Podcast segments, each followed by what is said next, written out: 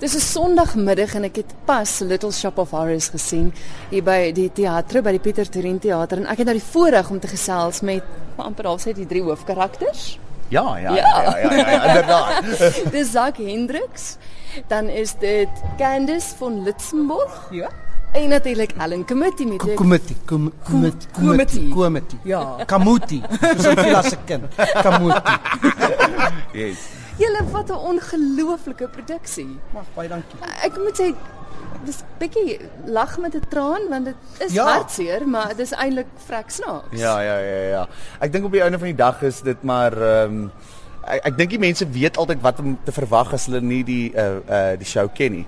Maar die titel sê eintlik nogals baie van die produksie Little Shop of Horrors. Horrors die die gruwelwoord is nogals 'n belangrike deel, maar dit moet mense nie afsit nie want dit is verskriklik snaaks. Ja, en ek meen dit was geweldig baie kinders wat kom kyk het. Ja. En ek weet dis een dogtertjie voor ons wat gesit het en gesê het, hy het darm nog net 2 geëet. Dis great. Maar ja, vinnig gou. Ek wonder altyd, wat was eerste? Die musiekspel of die film? Want ek meen ek het groot geword met die Ja, film. die die musiekspel was eers. Was dit eers? Ja. Eintlik was daar 'n film in die 60ste jare Ja. ja. deur Roger Corman. Dit was 'n 'n 1960s schlock flick. Um B-grade movie.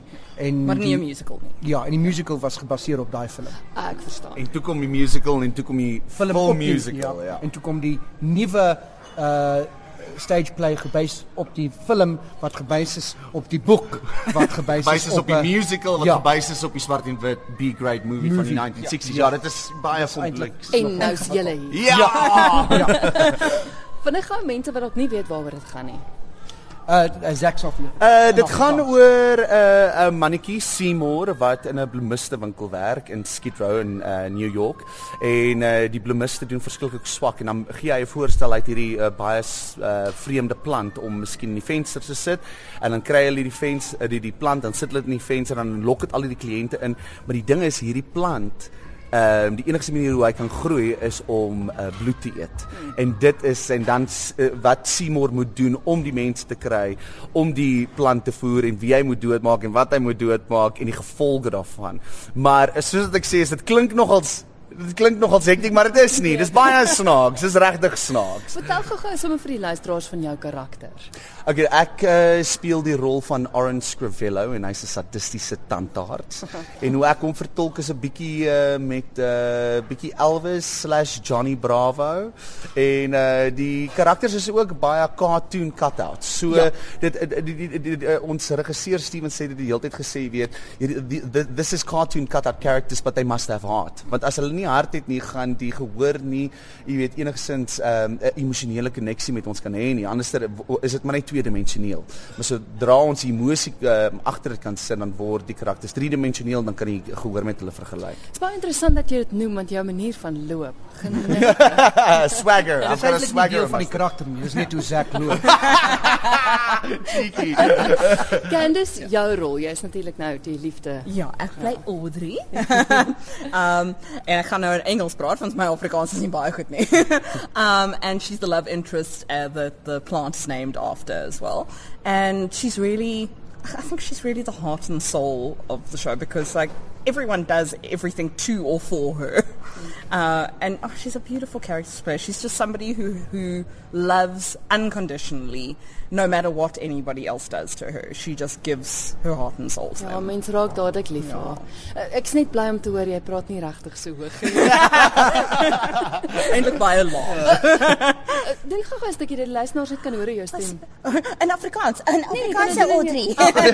Baie Dis 'n cute. baie oulik wees, sal dit nie? Ja. En dan Ellen, ek weet vorige keer toe ek met jou gesels het, was jy nog besig om te repeteer Ja. hiervan. Toe jy vir my gesê dat uh, jy gaan met sing en dans en alles in jou oë was effe groot geweest, maar sjoe, jy doen dit. Ja, baie dankie. Ja, it's a bit of a challenge out of my comfort zone. Maar dis iets wat ek wou gedoen het en ek is baie bly dat ek dit doen en it's nice to be surrounded by people who are very good in this genre and know what they're doing. So Hy het sy vinger na ons twee toe gewys. Ja. Ja. Die luisteraars sou ja. dit goed sien. Nee eintlik ek is jammer. Ek moet dit net ek het na uh, Candice verwys. Ja. Ek het nou nie vir Zak. Zak is ook in die vertoon. Ja. Ah, nee. nee. Uh, so yeah, this uh, it was it was a great challenge, but it's been it's been fun to do it, and and I still feel like every you know performance I, I try and learn something new or try and get better at what I'm doing. Um, there have been also moments where I feel like I wish I could still do you know break out and do my my stand up stuff, but this is good to to play something Ek different. kan nou So- net sê want dit moet 'n bietjie van 'n uitdaging wees. Ek ben Ja. jy's gewoond daaraan om altyd alleen op die verhoog te Ja. wees en nou is jy omring deur 'n klomp mense. once a year or once every 12, 13 months, I try and do a production where I'm in an ensemble because I think those are good muscles to flex. Um, and it's a great skill to keep. But it's always hard at the beginning of it uh, when I'm in rehearsals and that because someone said to me the other day, it's like you have single child syndrome. look at me! You must look at me. And you've got to get back into that thing of sharing a stage and throwing the ball and passing the focus. But it's, uh, you know, hopefully we're doing that. And I think this is a very tight company and they all brilliant. The, the three Dua girls, I mean, everyone, all 10 of us. And, they, and people throw the focus really well. I'm going to throw the focus now to Candice. Hy by die teks? Ah, dit is uh Sometimes there's an interesting lyric. afhangende oor hoe hy voel miskien die dag, maar nee nee nee, al als consistent, maar elke nou en dan dan maak hy 'n grapjie op die verhoog en dit kan 'n mens nogal gooi so, ek bedoel as met saam met Ellen op die verhoog is, moet jy weet enigiets kan gebeur. If So you're here when there's load shedding, you'll get a little bit of an extra show. Kom ons praat gou oor nog een van die hoofkarakters en dis natuurlik die plant. Ja. Terloops ja, hier's 'n tafel hier voor waar hulle 'n 'n uitstalling het van die verskillende plante. reg, en ek ja. het tog as baie draai daar omgeloop. Maar maar dis 'n tegniese nogal 'n uitdaging seker. Ja, ehm um, uh, Greg King wat uh, die ehm um, die puppets gedesign het, het regtig baie moeite ingesit om dit so realisties as moontlik te laat lyk. En dan Brandon Mulder wat die uh, puppeteer agter die plant is, doen 'n ongelooflike ja.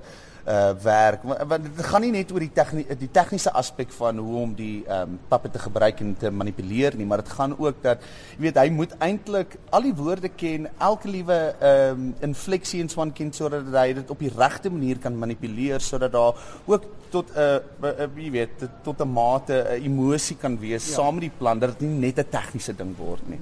So dit is dis maar ek dink ons kry dit verskriklik goed reg in hierdie produksie. Hy hy word 'n karakter op sy eie.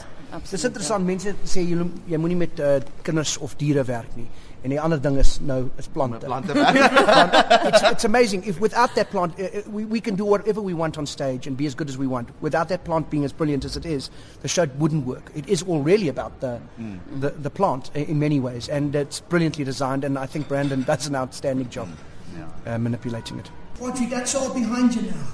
You, you got nothing to be ashamed of. You're a very nice person. I, I, always knew that.